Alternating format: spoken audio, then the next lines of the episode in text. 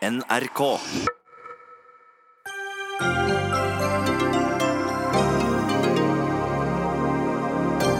Regjeringen har i dag fordelt en kvart million kroner per nordmann. Aldri før har vi brukt så mye oljepenger. Men hvorfor gjør vi det når regjeringen selv påstår at alle piler peker oppover? Elbilene ble til slutt for populære. Nå kommer avgiftene, og de tunge Teslaene blir dyrere. River vi ned noe som kunne blitt skikkelig stort? Å ha det moro blir dyrere. Momsen på kinobilletter øker. Som om ikke bygdekinoene så trusselen fra Netflix i øynene allerede. Og barnetrygden står bom stille på 22. året på rad, samtidig som maksprisen i barnehagene går opp. Var det nødvendig i et budsjett på 1325 milliarder kroner?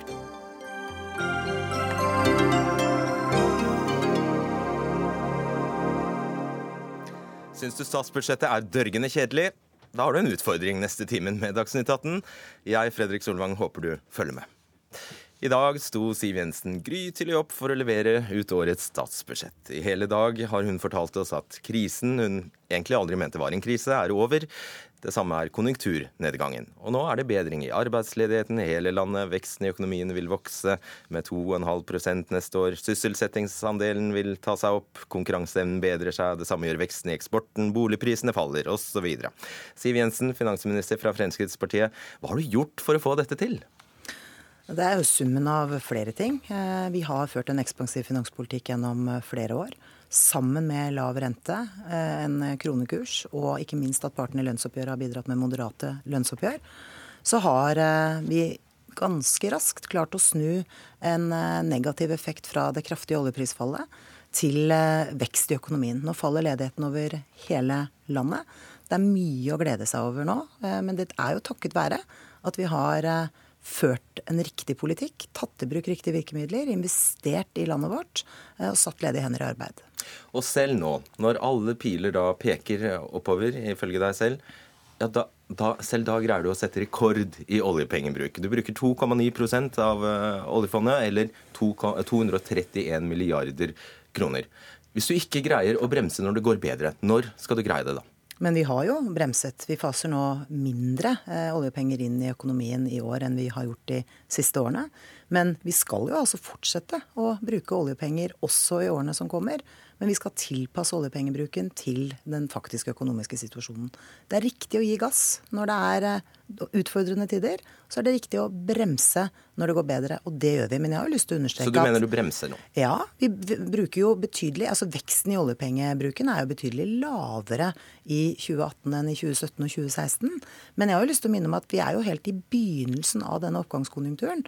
Sånn at eh, jeg mener at det at vi nå legger opp til et nøytralt budsjett, er god politikk. Og det er et budsjett som også har fått handlingsrom eh, fordi vi har eh, vekst i økonomien. Fordi utgiftene våre vokser litt mindre fort enn det vi trodde de skulle gjøre.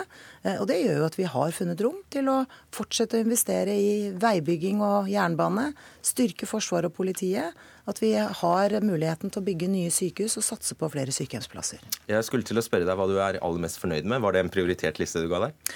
Det jeg er aller mest fornøyd med, er at flere mennesker nå kommer i, jobb. Det er noe av det viktigste.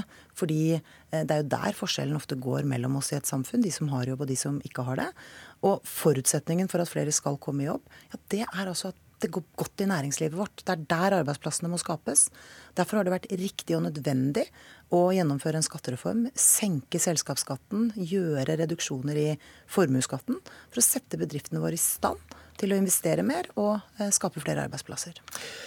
Mork-utvalget som du selv nedsatte, de anslo at forventet realavkastning av oljefondet vil bli, vil bli på 2,3% Du tar ut 2,9 Du bruker rett og slett for mye? Nei, Nå har eh, et samlet storting sluttet seg til forslaget vårt om å redusere den forventede realavkastningen fra 4 til 3 Grunnen til at vi har gjort det, er at vi har tilpasset kartet etter terrenget. Men jeg har lyst til å understreke at vi bruker jo ikke mer eh, enn eh, en avkastningen. Det gjør at fondet legger på seg hele tiden. Altså at Sparegrisen den har blitt større og større og større hvert eneste år. Selv i de årene hvor vi har gitt ordentlig gass for at vi skulle komme oss gjennom de vanskelige tidene.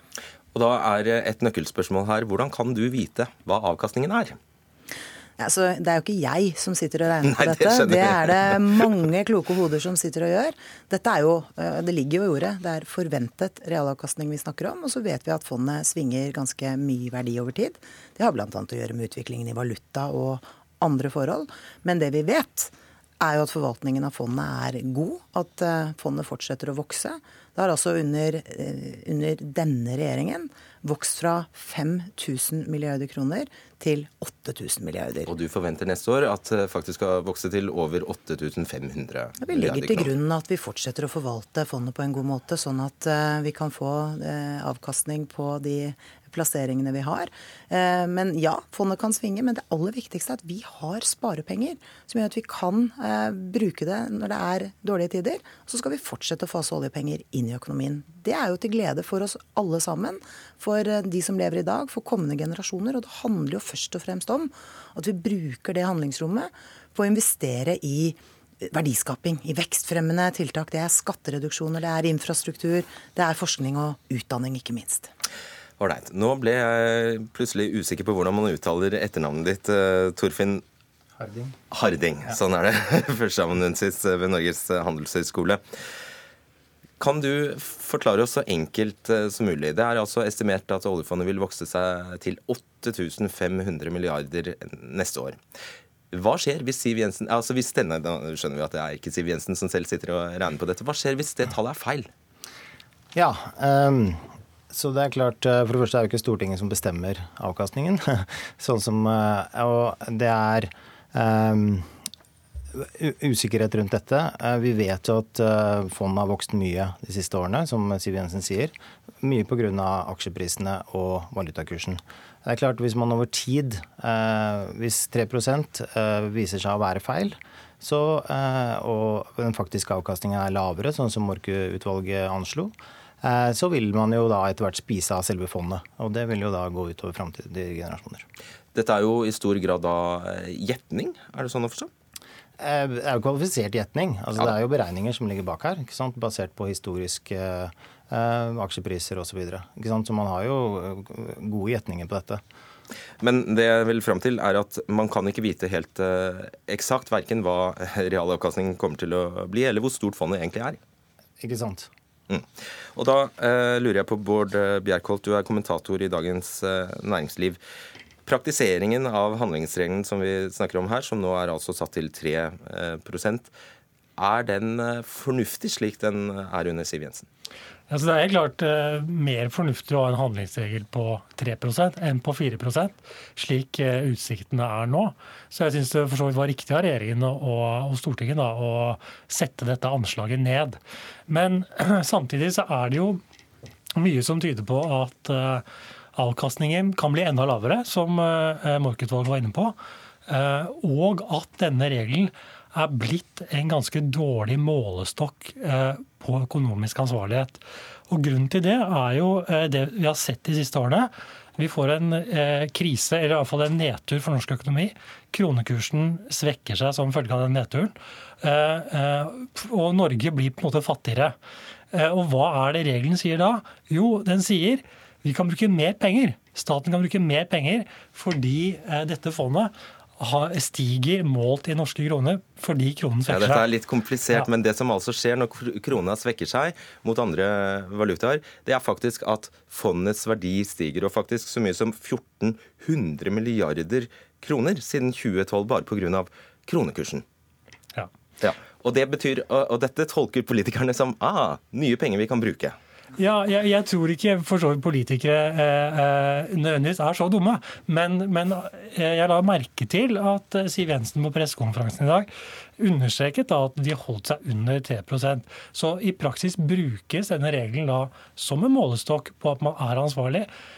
Men til tross for da at vi vet at den er blitt nokså meningsløs akkurat på den måten. Meningsløs, Siv Jensen. Nei, jeg syns det er å ta hardt i. Nå har vi altså godt, eh, redusert den forventede realavkastningskravet fra 4 til 3% fordi eh, vi ikke lenger så det som realistisk å oppnå 4% over tid. Vi har gjort det gjennom mange år, men nå er vi altså kommet inn i en ny tid. Eh, og da har vi også justert eh, og tilpasset eh, kartet etter terrenget. Så er jeg enig med begge to når de sier at det er usikkerhet knyttet til dette. Men det som ikke er usikkert, er at vi har mye penger på bok. Eh, og det er heller ikke usikkert at vi skal eh, tilpasse oljepengebruken ettersom hvordan de, altså den, de, de, konjunkturen i norsk økonomi er. Og det gjør vi. Vi har altså hatt muligheten til å kunne bruke noe ekstra når det har gått trått. Nå bruker vi ikke like mye ekstra fordi det går bedre. Ok, Harding, eh, forklar oss. Det, det, det ene er jo eh, kronekursen. Det andre store og viktige er eh, aksjekursene. Og da fungerer det egentlig, egentlig motsatt. Altså når, når krona synker, så stiger gjerne aksjekursene. Eller unnskyld, når rentene, når rentene faller, så stiger gjerne aksjekursene. Og da legger fondet på seg. Forklar det. Så Det er krevende sammenhenger. hvor aksje... ja, altså Sammenhengen mellom aksjepriser og renten er jo veldig krevende. ikke sant? Så dette vet vi ganske lite om. Eh, sånn at eh, eh, men hovedpoenget her er at eh, regjeringen har fulgt handlingsregelen mekanisk oppover ettersom eh, fondet har steget i verdi. Spørsmålet er hva skjer hvis eh, man mister mye verdi i fondet. ikke sant? Og, og da, da, er det usannsynlig f.eks. At, fondet, at kursene skulle rase 25% på et år? Kunne det ha skjedd? Det kan jo skje, ikke sant. Og spesielt nå som regjeringen har gått inn for 70% aksjeandel, så må vi regne med større endringer i fondet. Og Hva blir da konsekvensen for en finansminister? Så man kunne jo si at regjeringen innførte bare halve delen av Mork-utvalgets uh, anbefaling, egentlig. Ikke sant? Fordi um, 70% er kanskje helt fint, men man må da ha en klar strategi. Hvordan håndterer vi disse, denne store risikoen? Vi har høyere risiko nå. Vi vil få større endringer fra år til år i fondet. Hvordan håndterer man det? Da første periode til Solberg regjeringen Eh, legge seg mekanisk på handlingsregelen, er antagelig ikke svaret. Og det, der, det, det, det, du sier der, er egentlig det er feil det de gjør nå?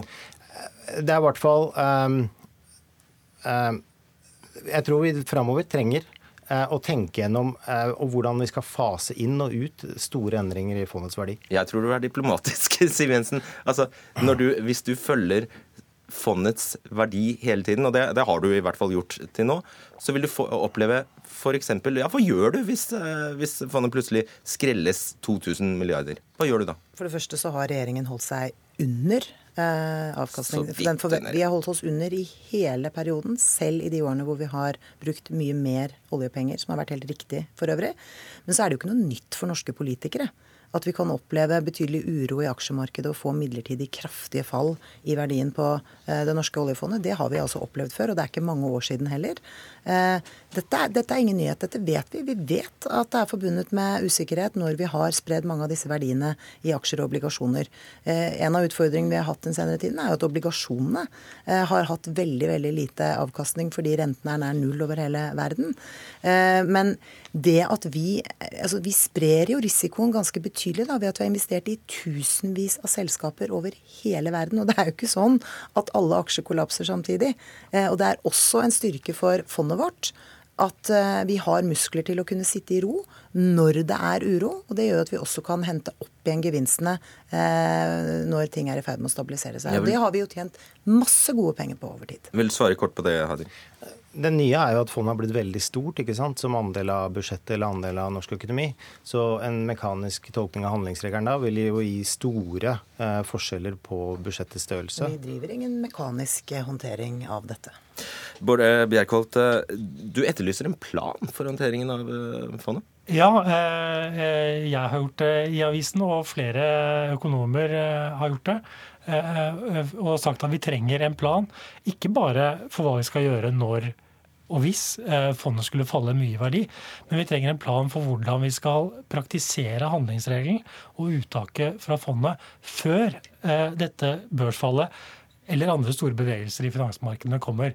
Fordi eh, når det kommer, så er det på en måte litt for sent. Da må du jo forsøke å rydde opp så godt du kan. Men det du kan gjøre i forkant, er jo antagelig, slik situasjonen er nå, å ta ut mindre av fondet enn det Siv Jensen har lagt opp til.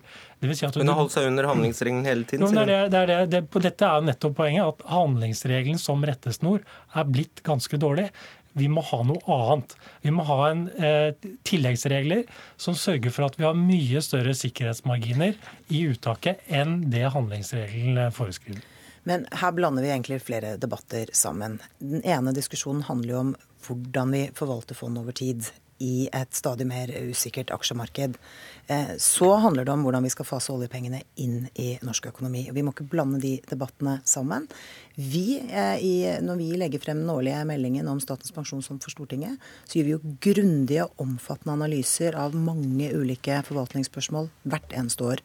Det mener jeg er riktig, og vi setter stadig vekk søkelyset på eh, de utfordringene vi står overfor, eh, og vi svarer ut det. Ja, men Det høres ikke som du tar det helt eh, på alvor, jo, det Bjerkholt sier. at men, Du må legge en plan nå, fordi det krisen inntreffer, så er det for seint. Det jeg prøver å si, er at fra tid til annen så oppstår det jo kriser, eller i den forstand at det blir kraftig uro i aksjemarkedet og verdien av fondet faller. Men allikevel så har vi jo en forsvarlig forvaltning og vi har forsvarlig bruk av oljepenger som gjør at vi hele tiden kan bygge stein på stein og sikre velferden i Norge. Superkort uh, hver av dere. Så kjempekort. Ja, nei, altså Forsvarlig forvaltning av fondet, uh, ja. Men, uh, men det, det, forhindrer ikke at i en finansiell krise eller børskollaps så faller faktisk alle aksjene i verdi på en gang. Harding? Den viktige innsikten fra Mark-utvalget var jo at vi kanskje må tenke på bruk og forvaltning eh, samtidig. Og Derfor var det også dissens fra Mork på at 50 eh, han ville heller ha 50% aksjeandel, fordi han hadde liten tro på at handlingsregelen skulle endres. Han var den eneste som også hadde dissens, ellers så var utvalget helt samlet. Jeg håper, eh, håper, vi har med oss noen eh, lyttere og seere fremdeles. Takk skal dere ha, Siv Jensen, Siv Jensen du blir sittende, Torfinn Harding og Bård Bjerkholt.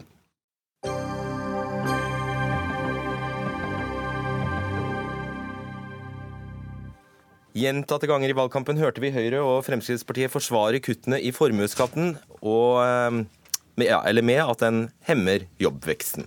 I FrPs partiprogram står det at partiet ønsker å avvikle formuesskatten, bl.a. fordi norske arbeidsplasser går tapt. Siv Jensen, hemmer formuesskatten jobbveksten? Det er i hvert fall sånn at et samlet næringsliv som betaler, den delen av næringslivet som betaler formuesskatt, mener at det bidrar til å svekke deres lønnsomhet, svekke deres muligheter til å ta nye investeringer og til å ansette flere. Hva mener du? Jeg er enig i det, og det er jo derfor denne regjeringen har redusert formuesskatten jevnt og trutt. Fordi det også er en konkurranseulempe mellom eh, de bedriftene i Norge som ikke er eid av nordmenn, mm. som slipper å betale formuesskatt, og de som faktisk må betale. Hvor mye har du da kuttet formuesskatten med i dette budsjettet? I dette budsjettet så har vi jo gjort det vi ble enige om i skatteforliket, og som jeg vet at Arbeiderpartiet også var enig i, nemlig at vi skulle styrke verdsettelsesrabatten fra 10 til 20% Og det handler jo om å, eh, om å rett og slett redusere formuesskatten på arbeidende kapital. Ja, Det er det eneste du gjør på formuesskatt? I dette budsjettet er det det eneste vi gjør, ja. Er ikke det et slags løftebrudd, egentlig? Nei, fordi vi har jo helt målrettet år for år eh, lagt opp til å redusere det samlede skattetrykket både for personer Eh, vi har redusert selskapsskatten fra 28 til 23% og vi har tatt eh, årlige reduksjoner også i formuesskatten. Så når eh, du ikke gjør noe mer med formuesskatten enn dette, så må man forvente at du er fornøyd med jobbveksten i Norge? Den trenger ikke å være høyere, den? Jeg har lyst til å peke på hva vi faktisk har vært igjennom. Vi har også vært igjennom en situasjon hvor vi ble truffet av et kraftig oljeprisfall som førte til at 40 000 arbeidsplasser ble borte fra oljenæringen over veldig kort tid. De arbeidsplassene har kommet tilbake. Nå er optimismen eh, kommet tilbake. Nå ser vi at ledigheten går ned over hele landet. Ja, men det er 116 000 arbeidsledige fremdeles. Poenget er jo at vi er avhengig av å ha et konkurransedyktig næringsliv for at disse menneskene skal komme i jobb. Da handler det om skatt, men det handler om forskning, det handler om utdanningssystemet vårt, det handler om at vi investerer i infrastruktur. Det handler om summen av en lang rekke virkemidler. Men det er ingen tvil om at et konkurransedyktig næringsliv det er nøkkelen til at flere mennesker kommer i jobb. Trond Giske, nestleder i Arbeiderpartiet og leder av Aps finansfraksjon. Du har vel et lite problem, da, fordi Siv Jensen gjør akkurat det dere ba om? Ja da, og det er et veldig fornuftig grep eh, som skatteforliket som i stor grad Arbeiderpartiet førte i penn, eh, gjør når vi får en likere formuesvurdering av ulike formuesobjekt. Det er meningsløst at folk skal investere i næringseiendom istedenfor produksjonsmidler eller aksjer, fordi det skattlegges annerledes. Og det fikk vi til. Dette har jeg kjempa for siden jeg var næringsminister. Jeg sa det kom til å skje, og nå skjer det. Mm. Men det betyr ikke at man er nødt til å gi en netto skattereduksjon for dem med stor formue. For det du da kan justere, er formuesskattesatsen. Og Vi i Arbeiderpartiet mener jo at de som har mest, skal bidra mest. Og Dette har jo vært kanskje den største kampen de siste fire årene. er det ikke fint at hun gir seg, da? Ja, akkurat i år tar hun dette grepet. Eh, de siste fire årene har altså de 50 rikeste menneskene i Norge i gjennomsnitt fått 20 millioner kroner i skattekutt over en fireårsperiode. Ja, men akkurat i dette budsjettet så rører de ikke formuesskatten, bortsett fra det dere var enige om. Nei, det, det da, er du enig i? Og da er det et veldig godt poeng det du kanskje prøvde å uh, underforstått si, at hvis denne formuesskatten står i veien for vekst og verdiskaping, så må det jo være fryktelig viktig å fjerne den. Da må man fjerne den så fort som mulig for å få jobbvekst. Men, san men sannheten er det at vi har jo spurt om dette fagøkonomisk gang på gang. Vi vet at formuesskatten øker forskjellene. Vi vet at den gir oss mindre penger til helse, eldreomsorg og skole, de store oppgavene Norge må løse. Men fagøkonomene sier at den har helt minimal effekt, skattekutt på dette i jobbvekst og verdiskaping. Jeg er også ikke enig i det. og la meg understreke, Vi har ikke gitt oss våre ambisjoner i å fortsette å redusere skattetrykket i Norge, også når det gjelder formuesskatten. De ligger der. Men jeg er glad for at Trond Giske er ærlig på å si at det Arbeiderpartiet ønsker å gjøre, det er å eh, øke eh, satsen i formuesskatten. Ta et eksempel. Det Arbeiderpartiet gjorde i sitt alternative budsjett i fjor, når de satte opp satsen, det førte altså ikke bare til at de rikeste fikk mer i skatt. Det førte f.eks. til at trygdede fikk en skatteskjerpelse på over 5000 kroner. Det er konsekvensen av Arbeiderpartiets politikk. Og de må gjerne snakke på inn- og utpust om skattelette til de rike. Sannheten er at Arbeiderpartiet går etter pensjonistene, trygdede og vanlige folk når de snakker under dekke av at det er de rike de skal ta. Ok, Jeg skal bare følge opp det, fordi eh, dere har jo den famøse, etter hvert famøse løftet om å øke skattene på 15 milliarder, Giske. Hvis du legger inn La oss si at dere hadde kompensert hele formuesskattekuttet. Det er ca. 6 milliarder. Da har du 9 milliarder igjen å dekke inn. Hvor, hvor skulle du tatt, ja, da, tatt disse pengene fra? Løftet vårt er ikke at vi skal øke skattene med 15 milliarder. Vårt løfte er at vi ikke skal øke skattene mer enn 15 milliarder. Vi skal ta inn skatt så vi har nok til å gjøre eldre trygge på at omsorgen er der. Hjelpe de 15 000 ungdommene ja, som går ut av skolen uten å fullføre. Sørge for at vi har gode sykehus. Nei, en måte er jo faktisk da la dem med aller størst formue betale litt mer. Og de aller fleste trygdede og de aller fleste pensjonister har jo ikke disse svære formuene. Det er jo helt andre mennesker som har fått disse skattekuttene. Eh, med vårt opplegg så ville de aller fleste fått lik eller lavere skatt som i dag. Det mangler noen milliarder, for hvis de, har betalt, eh, de rikeste da, har betalt sin formuesskatt, og du har dekket inn hele formuesskattekuttet til Siv Jensen på 6 milliarder, så, det, du, så trenger du 9 milliarder til. Ja, da, det, og nå, nå, er jo en del av de 15 eh, milliardene som vi har satt som grense, det er jo faktisk den positive inntektssida av bedriftsskatteopplegget. Det er jo litt usikre beregninger, men anslått til ca. 3 milliarder eh, når man får disse avgrensningene på gjeldsrente osv. Eh, og så har vi sagt at en del av dette er miljøavgifter. Vi trenger en helt annen klimapolitikk enn den regjeringa legger opp til. De har jo fått et samstemt slakt, ikke bare av miljøbevegelsen, men også av industrien, for for dårlig miljøsatsing. Og dette er en del av det inntektsbildet for å investere i miljøteknologi, god kollektivtrafikk, miljøvennlige løsninger og ny energi. Alright. Du senker den alminnelige skattesatsen dette var dere enige om, fra 24 til 23% Det gir en reduksjon for privatpersoner på 11 milliarder ca., mens bedriftene får skattekutt på 2,7 milliarder. Så du tar med den ene hånda, og så gir du eh, Eller du gir med den ene hånda og tar med den andre. Du øker nemlig satsene i trinnskatten omtrent like mye som du eh, gir i reduksjon på personskatt. Hvordan kan dette rime med et parti som går til valg for å være parti for folk flest? Du, de vi... eneste du gir skattereduksjon til her, er bedrifter? Nei. Eh, nå har vi altså redusert det samlede skatte- og avgiftsnivået i Norge med 26 milliarder, hvis du inkluderer forslaget i dette, i, i dette budsjettet er det 3 milliarder kroner. Halvparten av lettelsene går eh, til eh, familier under, med inntekt under 600 000. Betyr jo en eh, skattelette på om lag 850 kroner. Eh, men, men trinnskatten starter på 160 000 kroner. Nesten alle må betale den. Innretningen på trinnskatten er altså sånn at vi gir størst lettelser til de som har de laveste inntektene, som har en god sosial profil. Eh, men når Arbeiderpartiet snakker om skatt, så er de jo ikke akkurat inne på sin paradegen. For de prøver jo nok en gang å sette eh, skatteskjerpelser opp som en, liksom en forutsetning for å kunne gjøre noe med eldreomsorgen, skolen og sykehusene.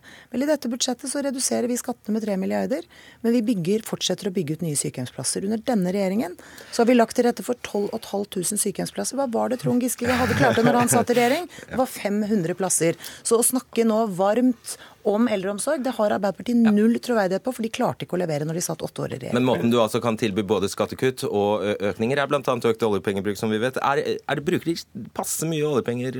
Trond ja, vi har jo vært veldig kritisk, ikke bare til mengden oljepenger som har vært brukt de siste fire årene. De har jo nesten dobla oljepengebruken i løpet av fire år eh, men også hvordan de har vært brukt, bl.a. på da skattekutt som ikke virker. Nå har jo Frp og Høyre lytta. Veksten i oljepengebruken er kraftig redusert. Eh, så det skal vi ta som et positivt tegn. Så det er tommel opp for 231 milliarder? Eh, I hvert fall så er ikke det det, det mest kritiske med dette budsjettet. Men når Siv Jensen sier at det er liksom ingen motsetning mellom skattekutt eh, og velferd, så er det altså det svakeste veksten i sykehusbudsjettet på veldig mange år. Kommuneøkonomien og det er klart Siv Jensen skryter av sitt budsjett, og jeg vil alltid kritisere det. Ja, Men Unio, da, som organiserer barnehagelærere, lærere og sykepleiere, de sier at dette gir ikke noe kvalitetsløft, verken i barnehage, i skole eller i eldreomsorgen. Det og det trenger vi, fordi vi har store behov. Vi må sette i gang nå med kunnskap til ungene og omsorg til eldre, vi, som blir stadig flere. Dette er vi helt enige om, og det er derfor det er en reell vekst i kommunenes økonomi neste år. Men fasiten har vi jo nå fått. Arbeiderpartiet har brukt masse tid på å kritisere det regjeringen har gjort i finanspolitikken gjennom flere år. Vi har altså kommet oss gjennom eh, det kraftige oljeprisfallet, snudd nedgang til oppgang. Pilene peker nå i riktig retning, så politikken har virket, den. Nå går vi altså inn i en tid med lavere arbeidsledighet, høyere vekst. Så jeg syns kanskje, Trond Giske, at det er tid på tide å gå litt stillere Men jeg syns kanskje, Siv Jensen, at du skal innrømme at det er vanlige arbeidstakere, pensjonister, okay. som har gått ned i kjøpekraft, uføre funksjonshemmede som har opplevd kutt, barnehageforeldre som har betalt mer, som har bidratt til dette spleiselaget. Det er ikke først og fremst regjeringens politikk. Hvis dere hadde skjerpet skattene så mye som dere legger opp Av hensyn til deg selv, Siv Jensen, så må du avbryte deg, for du må videre. Takk, Siv Jensen og Trond Giske. Dagsnytt 18 alle hverdager kl 18.00 på NRK P2 og NRK2.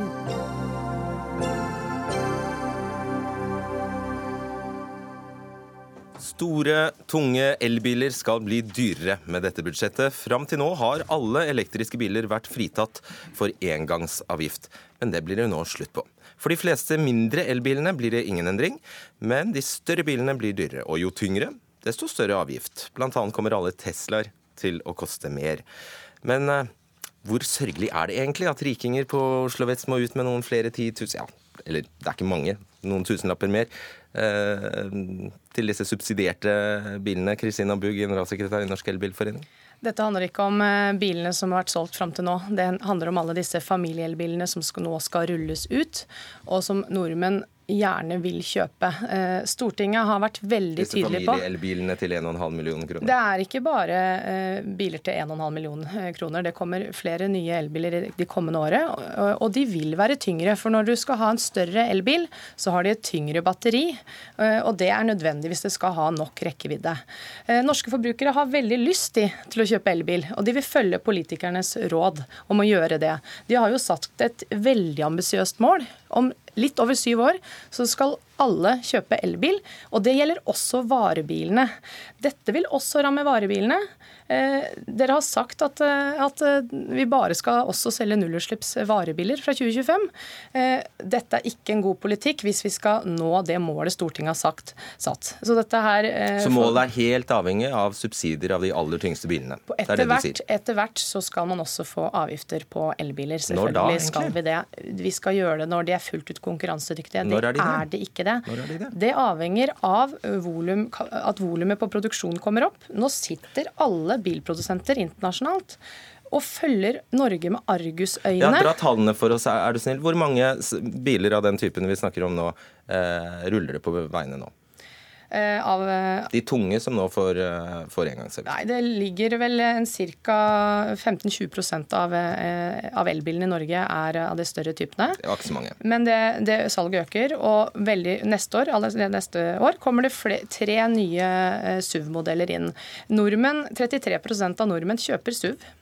Så hvis man ønsker å få 100% nullutslipp, så må man også tillate å få inn elbiler i SUV-segmentet. Og det er jo naturlov at de må kjøre SUV. Da kan man enten si at vi skal slutte å kjøre store biler. Eller så må man hjelpe elbilene også inn i de segmentene eh, og der nordmenn, eh, nordmenn vil ha store biler. Ja, eh, de- da må vi gi dem subsidier for at de kan fortsette å kjøre store ja, biler. halvparten av nybilkjøperne kjører store biler, kjøper store biler. Ja, Det jeg egentlig håpet du skulle si, Kristina Bu, var at det finnes jo en avtale her på Stortinget mellom regjeringspartiene og Tenkte jeg skulle få lov til å komme tilbake til det. ja, du brukte tiden på noe annet. Ja. Finnes en avtale. jeg, kommer, jeg, kommer, jeg kan si veldig kort det. Stortinget har bedt regjeringen å komme med helt konkrete mål og virkemidler for hvordan vi skal nå 2025-målet. Ja, og og da må man ha en kraftig satsing. I stedet så begynner de heller å, fjerne eh, den viktigste fordelen som er. Det er verre enn det, skjønner du, Nikolai Astrup, eh, finanspolitisk statsperson for Høyre.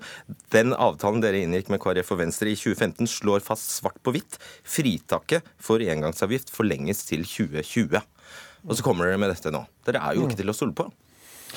Jeg var med å forhandle den avtalen som du siterer fra. jeg, husker, jeg husker veldig godt hva som står der. Men jeg husker også hva vi vedtok i proposisjonen, budsjettproposisjonen i fjor i Stortinget. og Der sto det at når vi har fjernet motoreffekt, eh, altså effektavgiften i engangsavgiften, så eh, skal vi vurdere å innføre engangsavgift for elbiler. Og Det gjør vi altså i år, og det stemte Så løftebrudd skjedde egentlig i fjor. alle de tre partiene stemte for det i fjor. og Det er jo slik at det er mange elementer i den avtalen fra 2015 som er endret etterpå. F.eks. står det i den avtalen at vi skal innføre eh, moms eh, gradvis, eller en kompensasjonsordning som gradvis kan gjøre at vi kan på en måte fase ut moms. Eh, Momsfritaket. eh, Og det er jo erstattet av nytt vedtak mellom de fire partiene i et annet budsjett, hvor det står at momsfritaket står til 2020. Ok. Og la meg også si at Det er momsfritaket som er viktig her. Engangsavgiften utgjør ikke så mye, og prinsippet om at det skal lønne seg å velge miljøvennlig, det ligger fast. Og det er den relative forskjellen mellom det å kjøpe fossilbil og det å kjøpe elbil som betyr noe. Og vi står fast ved 2025-målene, den er og vi mener det er absolutt mulig å nå disse målene, holder oss til selv med en liten avgift på de altså. absolutt dyreste og Vi holder oss til engangsavgiften, eh, Astrup. Så har vi momsen en annen gang. Hvorfor gjør dere dette? Ja, det er klart Det henger sammen, eh, og vi må se bilavgiftene under ett. Vi har jo gjennom de siste fire årene endret bilavgiftene kraftig i miljøvennlig retning. Det gjør at vi kommer til å oppnå målsetningen fra klimaforliket Uh, tre år før tiden. Oppnår det i år Hvorfor gjør dere det akkurat dette? Hvorfor, hvorfor får eh, disse tunge elbilene nå engangsavgift? Fordi uh, på et eller annet tidspunkt så må vi begynne å fase inn noe avgiftsbelegging av elbiler. Hvorfor det? Alle skjønner at det vi uh, gjør nå ikke er bærekraftig over tid. Det er, har både Elbilforeningen uttalt ved flere anledninger, og alle de Jeg fire skjønner ikke, så partiene forklar meg hvorfor det ikke er bærekraftig. Fordi at vi henter i dag inn ganske mange milliarder kroner fra bilavgifter. Det tallet er 10 milliarder kroner lavere nå enn det det var da vi tiltrådte. Eh, Og det skyldes i stor grad at eh, vi har vridd avgiftene i miljøvennlig retning, og at flere kjøper eh, biler uten avgift. Hvilket du ønsket. Hvilket er ønsket. Men det er klart etter hvert som disse bilene blir konkurransedyktige, så må vi også gradvis kunne ha noe avgifter på dem, selv om prinsippet om at det alltid skal lønne seg å velge miljøvennlig, det ligger fast. Og det må lønne seg nok til at folk gjør okay. det, men ikke så mye at systemets legitimitet og troverdighet settes i spill. For det er klart at de Hvordan setter systemets de, Noen av de bilene som i eh, Christina Bu her refererer til, det er Porsche, det er Jaguar, det er svære Mercedeser osv. Det er klart, eh, det er et problem også hvis vi ikke skal ha noen avgifter overhodet på en god del av disse bilene som kommer, som koster veldig mye penger, og de mennesker som kjøper dem, har stort sett ganske god råd. Det er nå engang bare snakk om engangsavgiften, da. Men Lasse Fridstrøm, forsker ved Transportøkonomisk institutt. forklarer oss, Du har et tall som sier at eh, Og det gjentok Det sa jo eh, for så vidt Kristina Bu her, men du sier at om lag 20% av elbilene som er solgt så langt i år, eh, ville blitt rammet av denne omleggingen. Hva skjer, tror du nå, eh, etter denne Hva skjer med etterspørselen? Ja, Det er eh, litt vanskelig å vite, men man må jo regne med at etterspørselen etter de store elbilene går noe ned. Eh, Og så kommer dette avhengig av hvordan forhandlerne reagerer på denne avgiftsøkningen. Om de velger å ta en del av tapet sjøl ved å senke sin advanse. Eh, Og det kommer også an på hvor stor konkurranse vi nå etter hvert får på store elbiler. Det kan også tenkes å presse prisen litt ned. Hva er mest sannsynlig skjer da? Eh, Jeg, det sannsynlige er vel at, eh, tror jeg, at mesteparten av avgiftene må kjøperen betale. Og at det blir færre Og sånne at det biler? blir dyrere med de største elbilene. Men eh, avgiftspåslaget er jo beskjeden for elbiler på to tonn. Og 9000 kroner har jeg regnet ut eh, for eh, Tesla modell eh, S, er det vel? Og øh, opptil 80 000 for den aller største modell X. Det er klart at det, da- da må det, det ja, bidrar i det er den retning som Kristina Bu Ja, sier, det er at det blir litt mindre salg av elbiler. Hvis du har halvannen til to millioner kroner, så er kanskje ikke de 9000 så veldig mye. Da, da lurer jeg på, ville Har disse menneskene råd til å kjøpe den type biler åkke sånn? Det kan jo bare erfaringen eh, fortelle oss. Ok. Det er veldig, det er Hva tror du, Bu? Altså det er, det er, man liker å kalle det rikinger hele tiden. Men det er veldig mange nordmenn som setter seg ned og regner på dette veldig nøye, veldig nøye og som, som strekker seg langt for å få råd til en større familiebil. Og som kanskje nå eh, ikke får muligheten til det. Men vi må huske på at dette det handler ikke bare om de bilene vi har, det handler om alle de bilene som nå skal fases inn de neste årene, og som er helt nødvendige om, om vi skal nå det målet Stortinget har sagt. Eh, jeg vil også bare si at det er ikke bare Elbilforeningen som reagerer på det som har kommet i dag. Altså Venstre sier dette er lite gjennomtenkt. KrF kaller det et avtalebrudd. Norges bilbransjeforbund eh, kaller det for et grovt og alvorlig løftebrudd. Og Ja. Norges største bilimportør, Møllergruppen, sier dette vil føre til stor usikkerhet for både kunder og Ja, men det er klart at de sier det.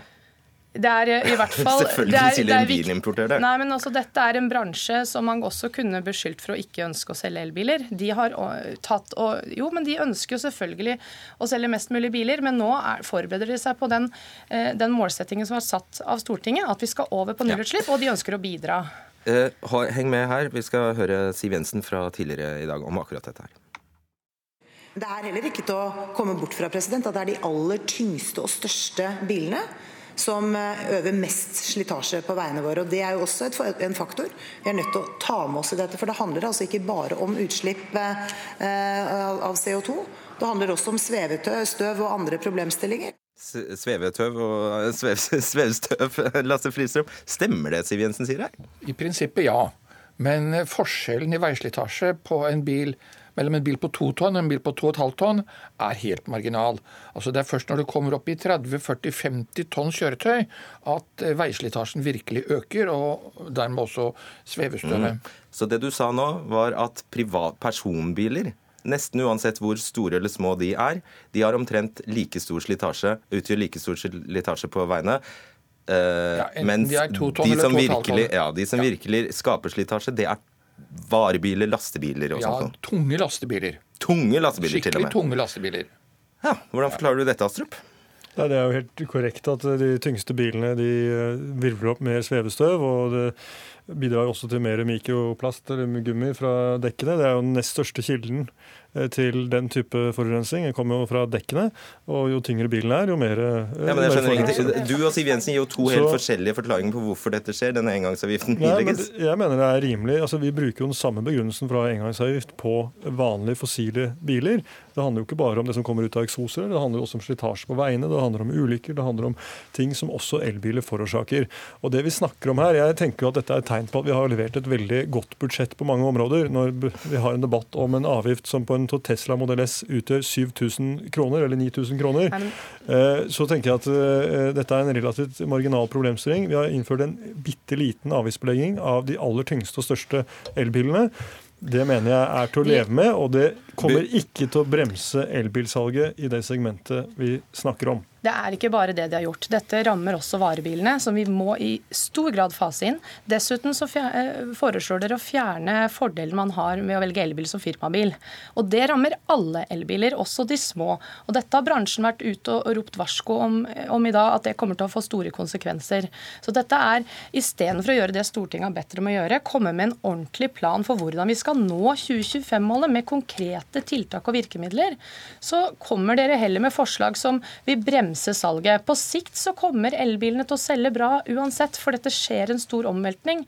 Men dette skal skje innen sju år. Da skal 100% av nordmennene velge elbiler, og det kan ikke forbrukerne ta ansvar for alene. Lite gjennomtenkt, sier, eh, sier Venstre i dag. eh, Astrup, har du tenkt selv på at eh, la oss si en familie med, med barn som har behov for en større bil, kanskje de trenger hengefeste, eh, kanskje de trenger sju seter, f.eks.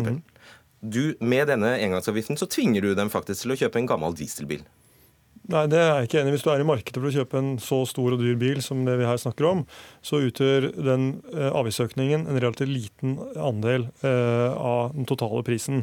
Så, så det er ikke enig i premisset eh, der.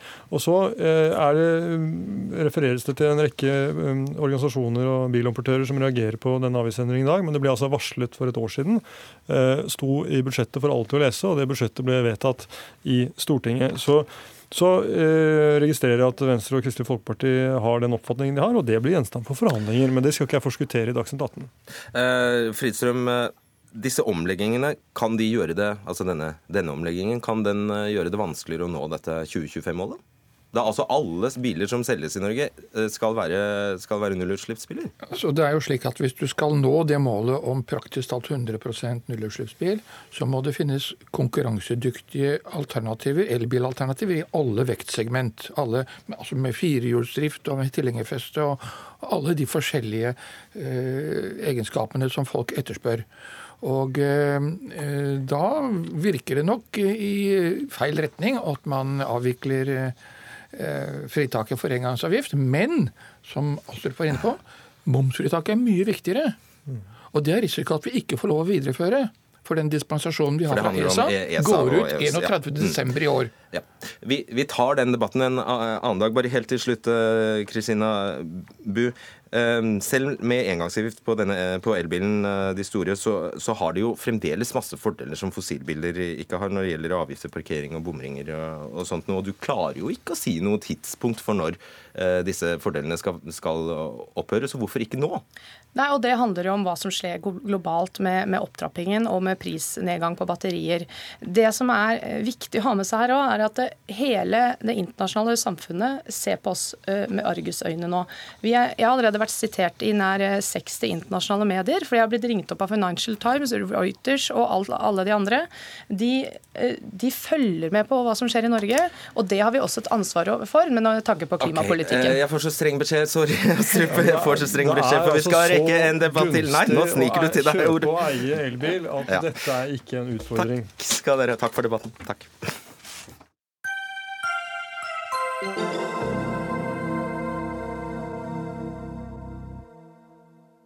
For kino, museer og fornøyelsesparker er blant eh, det som blir dyrere når regjeringen foreslår å øke lavmomsen fra 10 til 12% Kinobransjen får nå en ekstraregning på 28 millioner kroner.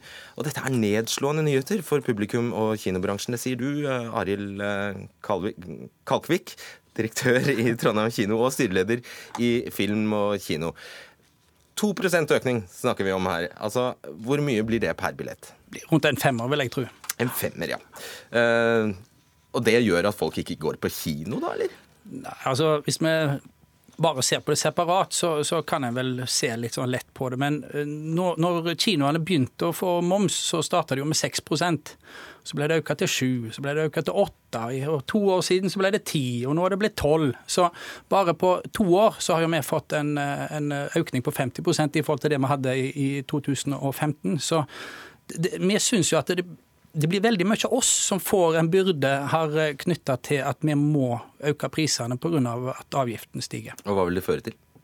Nei, Vi er jo, vi er jo redd for at eh, den tøffe konkurransesituasjonen vi er i, det medfører at uh, våre priser øker raskere enn uh, på andre plattformer. og er det en trussel? Nei, men altså, det, det, er to måter å løse dette på. Det ene er å, å legge på prisen så, så, kundene får det. og Det er alltid risikofylt, for da kan de risikere å velge noe annet. Uh, vi konkurrerer om folks fritid, og vi konkurrerer òg med andre plattformer. og Derfor kan det være prissensitivt. På den andre sida kan vi ta og si at kinoene kan ta regningen. Og da er det jo sånn at 80% av kinoene i Norge de eh, tjener ikke penger, de er faktisk subsidiert. Og dermed så vil det altså si at noen må betale mer enn de gjør i dag. Og kommunene som yes. da eier kinoene. Og jeg skal bare legge til at en eh, kinobillett i Norge i snitt koster 105 kroner i dag. Ja. Linda Hofstad Helleland, kulturminister fra Høyre. Hvorfor Det er så lite penger. Hvorfor gjør du det? Jeg har lyst til å starte med å si at det er jo få land i verden som har en så sterk statlig finansiering av eh, kulturlivet som eh, vi har. Vi er ganske privilegert. Ja, ja, men det vet vi gjelder nesten alt. 14 milliarder bruker vi på kultur. I tillegg så over tippemidlene så er det 4 milliarder til til kultur og idrett. Og det gjør vi jo også for at folk skal ha muligheten til å gå på teater, gå i symfoniorkesteret og gå på kino. Eh, at billettene blir såpass lave lav at eh, alle skal ha råd til det. Og så er jo det her et budsjett for arbeid, som finansministeren var tidligere og sa. Og det betyr at da da er det viktig at vi ikke beskatter arbeid mer, men at vi tar inn mer på Eh, på forbruk. Og en eh, kinobillett som uh, kanskje økes med ja, mellom to og tre kroner, det mener ikke er den største belastninga for kulturbruken i Norge. Skal ikke du sånn at, kjempe for kulturen? Jo, jeg kjemper for kulturen. Og det er derfor også at vi har et så godt kulturbudsjett som også sikrer sikre, sikrer sikre kunstens egenverdi, vi sikrer kulturproduksjon. Vi, vi, sikrer at folk over hele landet har mulighet til å eh, benytte seg av kulturtilbud, samtidig som vi, vi styrker også det frivillige kulturlivet i hele landet. Men jeg har lyst til å si det, at kinoene gjør en kjempejobb. I fjor så var det all time high. Aldri før har flere folk gått på kino. Jeg vil gratulere deg med det. Og de, og de tre mest sjette filmene, det er en hersketeknikk. De var norsk, så det går så det suser ja. eh, for okay. norske kinoer. Og jeg tror ikke at folk velger å, å holde seg borte fra kinoen fordi den øker med, med, med, med litt over to kroner. Her har du tallene mot deg, Kalkvik, fordi eh, det stemmer som eh, Helleland sa. altså Ved forrige momsøkning, som du nevnte her, så skjedde det ikke noe med publikumsoppslutningen. Nei, men det, vi har òg lest uh, Scheel-utvalget sin utredning som sier at eh, her skal en helst ta momssatsen på dette opp til 15% og, og nå ser vi liksom en utvikling. Når, når, når, bransjen gikk inn for å, å få moms på, på kinobilletter, så var den på 6% som sagt. Nå er vi oppe i 12 og, og vi ser òg en utvikling i andre land okay. hvor en har valgt å øke la, la Helland, Du kan svare, svare på Hans Bange Hansel om at du, det, planen din egentlig er å få det opp i 15 Nei, eh, men Lover det var jo utvalget sitt forslag. Ja, Lover du det? At du ikke gjør det? Nei, for det, det, er det finansministeren som uh, faktisk styrer momsen, ligger i Finansdepartementet. Mm. Men som kulturminister så tenker jeg at hvis dette her er den største utfordringa på dagen hvor kulturbudsjettet uh, legges frem, det er en økning på 2,50 på kinobilletten Derfor så unødvendig, tenker jo mange da. Da har vi det egentlig ganske Derfor bra. så unødvendig, Nei, tenker jo mange da. Den største utfordringa, vet du hva det er? Det er ikke økt pris, for jeg tror at folk ønsker å gå opp oppleve eh, gode filmer på kino, og det ser vi at eh, folk gjør. Utfordringa det har vi fra Netflix. Sant? og andre eh, tilbydere som gir oss gode filmopplevelser hjemme. Så det å være attraktiv eh, for eh, publikum, også ikke bare filmen, men opplevelsen på kino, det er like viktig. Og da tror jeg at dere kommer til å leve godt med en så ørliten økning på kinoprisen som, som nå skjer. Ja. ja. men altså, Når det kommer annethvert år, så er jo mer bekymra. For dette, det var jo nettopp det jeg husker Siv Jensen sa òg sist gang. Folk må tåle de ekstra kronene der. Og, og, nå kommer de igjen, altså etter bare to år. Kalkvik, og, og, det bekymrer oss. Skjønner. Kalkvik, hva tar du, eller hva tar kinoene for en liten pose med M&M? M&M? Rundt 40 kroner. Rundt 40 kroner, ja. Hva tar dere for den minste, den minste boksen med popkorn, da? Ja, Der har vi som regel gode, gode menytilbud. 69 kroner! Ja, ja. 69 kroner, og så kommer du og klager over en prisøkning på 2% Ja, men det dere skal huske på, er jo at det, visst, altså det, det er billettinntektene som er hovedinntekten vår. Altså, det, vi, vi, omsetter ikke så mye i kiosk og med reklame og den type ting Nei, som vi gjør for billetter. Og, og, selvfølgelig, altså vi er sensitive på, på lik linje med alle andre. Vi, vi konkurrerer om folks fritid. Vi, altså det at Netflix uh, leverer ting billig, det er selvfølgelig uh, tøft for oss å, å, å, forholde oss til. og Det er jo derfor at både film og kino og Virke er, er bekymra for, uh, for den utviklingen vi ser. Og, og, og vi, vi, vi, sitter jo også og, og, leser oss litt sånn fram til at eh, hvis det skal fortsette sånn, så, så, kan vi jo bare venne oss til det. Den to okay. kroner ekstra annethvert år, og så er vi på 15 Men på samme tida også så reduserer vi selskapsskatten. som altså For få år siden sant, så var den 27 eh, nå er den 23% Det hjelper alle bedrifter, eh, også de som driver med kreativ næring, og ikke minst eh, kinoene. Og så ser, vi at når, så ser vi at når vi økte Eh, denne eh, momsen, eh, også med 2% i fjor, så ser vi at resultatet for kinoen var jo at aldri hadde flere nordmenn gått og besøkt eh, og sett okay. eh, norsk film, og besøkt kinoene. Så jeg tror at eh, det er innholdet, det er kinoopplevelsen, som er det viktige for eh, norske kinoer i framtida, og ikke den økninga her på mellom to og tre kroner. Takk for ordskiftet. Tusen takk, Arild Kakevik og Linda Hofstad Helleland. Hør Dagsnytt 18 når du vil. Radio NRK Radio.nrk.no.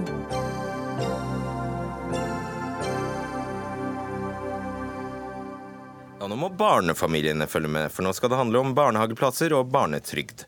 Regjeringen går inn for en reell økning i maksprisen for en barnehageplass på 110 kroner per måned til 2910 kroner fra 1.1.2018. Samtidig skal barnetrygden stå bom stille. Det har den gjort i 22 år. Og den eh, holdes altså fast på 970 kroner i måneden, som innebærer eh, altså at eh, det har ikke skjedd noe der på aldri så lenge. Kari Elisabeth Kaski, finanspolitisk talsperson i SV, skriver i en pressemelding i dag at regjeringens budsjettforslag er gull for eliten, gråstein for resten.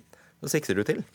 Da sikter jeg til at eh, vi har nå hatt eh, en regjering som eh, gjennom de siste dagene har sagt at vi må forvente strammere tider, at vi må stramme livreima. Og ved budsjettet i dag så ser vi at det gjelder ikke for den økonomiske eliten i Norge, det gjelder for folk flest. For det er gjennom skattelettelser til de aller rikeste og velferdskutt til folk flest, og særlig de som har minst, at vi ser at regjeringa fortsetter den kursen som de har lagt de siste fire årene, og som vil øke forskjellene i Norge. Mm. Hvor mye bruker vi på barnehager i året? Vi bruker jo mye penger på barnehager i året. Enormt mye penger. Eh, men det Vil du ha som- tallet? Nei, jeg har ikke tallet 40, for meg. jeg skal si Ja. det. 41 milliarder kroner bruker samfunnet på det offentlige på barnehager i året. Og, og det, denne, ja. ja, denne foreldrebetalingen som økes, er er verdt ca. 300 milliarder, mm. millioner kroner. 41 milliarder kroner, det er ikke gråstein. Jo, fordi de 40 milliardene de har kommet i stand gjennom et ganske viktig barnehageforlik i Stortinget, som jo SV tok initiativ til, som vi fikk på plass sammen med Fremskrittspartiet. Og i det barnehageforliket så ble man enig om hva som skulle være maksprisen på en barnehageplass. Det brytes ved det forslaget som ligger i dag. Det blir dyrere for, barn, for barnefamilier å ha unger i barnehage, og det er kjempeproblematisk. Fordi vi nettopp vet at vi trenger at eh, barnefamilier kan ha ungene sine i barnehage, være en del av fellesskapet, og det er bra for integreringa. Helge André Njåstad, finanspolitisk talsperson i Fremskrittspartiet. Det er jo rett og slett smålig. Nei, det er jo ikke det. Eh, At man øker prisen litt, grann, eh, 110 kroner måneden for den fantastiske tjenesten barnehagetilbudet er. Hvorfor gjør dere det? Vi gjør det for at det er et spleiselag eh, der du fortalte nå at eh, staten går inn med over 40 milliarder, og så betaler foreldrene litt. og Det er fremdeles under 3000, så det er ganske rimelig eh, for et så godt tilbud, som er styrka med økt bemanning, flere pedagoger. Men vi utvikler jo barnehagepolitikken. Vi er opptatt av innhold i barnehage. Tidlig innsats starter i barnehage. SV er kun opptatt av å snakke om velferdsprofitører, men vi er med på å utvikle barnehagetilbudet ytterligere. Er det særlig sosialt å øke prisene for barnehage her i landet? Det øker ikke så mye, og så må du huske på en ting Ja, til. det, har ikke noe si. Jeg spør om det er Jo, jo, du- sosialt å øke prisene for barnehage. Jo, men vi gjør to ting. Eh, Vi øker prisene med 110 kroner for, eh, for alle. Men så sier vi at de som har eh, minst, skal få redusert pris. Ingen skal betale mer enn 6% av inntekten i barnehagetilbud. Eh, Og der har vi gjort mer enn den rød-grønne regjeringen på de som har, har minst. Så her har vi ingenting å skamme oss for. Og dette stemmer ikke med det bildet som SV prøver å tegne om at det er mest til de som har mest fra før. Når man leser budsjettet, så ser man at dette statsbudsjettet har veldig masse omfordeling. Og vi tenker på de som trenger det aller mest, og det gjør vi òg innenfor barnehagepolitikk.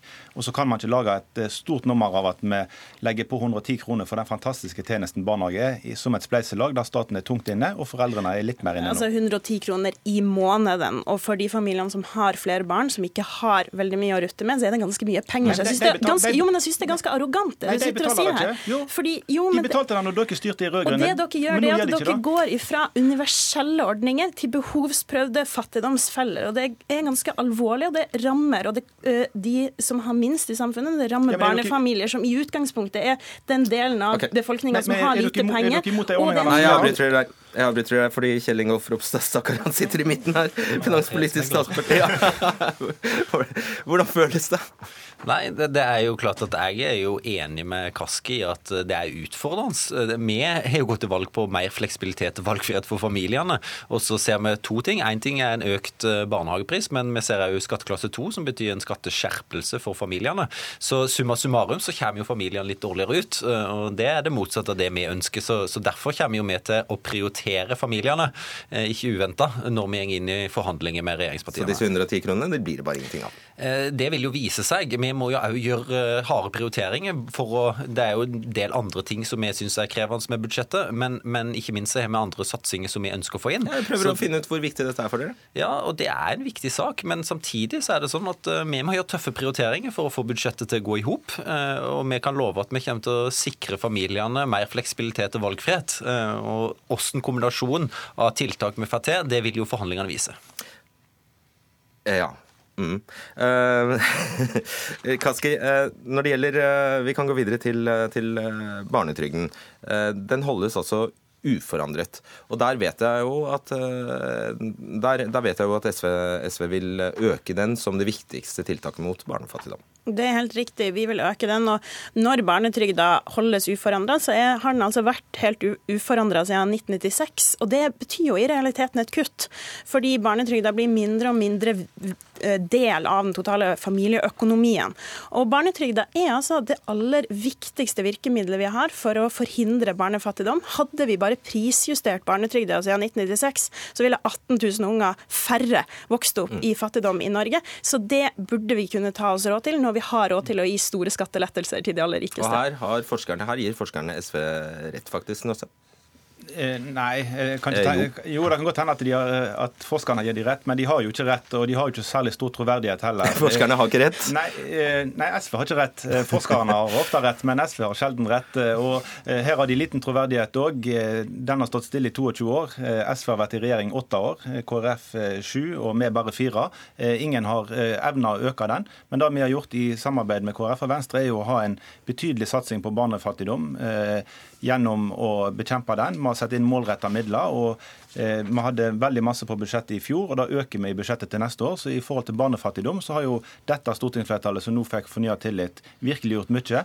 Eh, og man treffer jo mye mer målretta når man målretter det inn mot de som har behov, enn å gi det til alle som barnetrygda ville gitt. Eh, og det okay, Men dere øker det med 26 millioner kroner fordelt på 126 ulike tiltak fordelt i hele landet. Og det er altså en strategi mot barnefattigdom som har virka fra 2015 til 2017, som går ut i år. Og det er altså i de årene der veksten i antall fattige unger i Norge har vært høyest. Så den satsinga dere har hatt, den har ikke funka. Og nå må hele Stortinget okay. trå sammen for å øke barnetrygden. Er dette et krav dere vil eh, sette alt inn på å få gjennom? da? Vi la inn økt barnetrygd i forrige års alternative budsjett, eh, men det er jo riktig som Njåstad sier, det er ingen av oss som er klart å gjøre noe mer. den. det, nå har jeg ikke summene i, i, i, huet, men, men, det er klart at det skal ekstremt mye til bare for å øke barnetrygden med en 50-lapp, og det vil nå alle. Så det er klart det temaet vi var inne i i stad, med barnehagepris, er det, er det som Njåstad sier, det er ekstremt viktig å gjøre det sånn at det er billig for de som har lavest økonomi. Da er det målretta tiltak som treffer de som trenger det mest. For det er klart at det er det, riktig det, som Kaski ja. sier, at barnefattigdommen har jo økt. Vi har ikke lykkes med de tiltakene som vi har, og da er det viktig å ha målretta tiltak for å hjelpe de familiene. Og da sier forskningen faktisk at det er viktig å løfte ytelsene til de som dette gjelder. Det er helt riktig. Barn, økt barnetrygd er jo et av de mest målretta tiltakene som, som, eh, som vil nå denne gruppen. Men det er ekstremt kostbart. Altså Skal du doble barnetrygden, så koster det 15 milliarder. Eh, og Da får du en tusenlapp mer til de som trenger, trenger det. Ja, det, det, sier hvor mye du, det vil fortelle hvor mye du ønsker dette, da. Ja, og det er klart at jeg kan love her og nå at vi kommer ikke til å legge inn 15 milliarder ekstra i økt barnetrygd. Eh, men derfor så er det ekstremt viktig at en finner gode, treffsikre tiltak. Og KrF har gått til valg på at vi ønsker en økning av barnetrygden, men òg en skattlegging for at en skal kunne nå de som trenger det mest. Det er en krevende modell å få til, men vi må se på løsninger for å kunne i fall sikre at flest mulig får økt barnetrygd. Det er mulig å, å komme fram til en enighet her, tror jeg, som verken er så dyr som det blir skissert opp her fra Ropstad, men gjennom at du gir en generell økning av barnetrygda, prisjusterer den sånn at alle får mer, men at du også sikrer at du målretter en særlig økning til de familiene okay. som er i størst risiko for å være fattige, flerbarnsfamilier og aleneforsørgere. Skulle du ønske at du helst ikke satt her og måtte forsvare økte barnehagepriser og stabil barnetrygd? Nei, jeg syns det eh, dette er viktige diskusjoner. Jeg, og vi har valgt å gi til de som trenger det mest, både i forhold til barnehagepriser og i forhold til barnefattigdom, bekjempelse av den. Eh, og Det har vi gjort i godt samarbeid med KrF og Venstre. Jeg er sikker på at vi skal få til enda mer. og Det er ikke riktig at eh, disse ordningene skal ut. De skal styrkes neste år. og Forhandlingene vil jo vise om vi får til enda mer. Men det er mye mer målrettet enn å gi det til alle. Ok, Vi må sette punktum, fordi Dagsnytt 18 har brukt opp tiden sin, faktisk. Kjell Ingolf Ropstad, Kari Elisabeth Kaski og Helge André Njåstad. Takk skal dere ha. Arnhild Myklebust, Lisbeth Seldreite og Fredrik Solvang sier tusen takk for nå.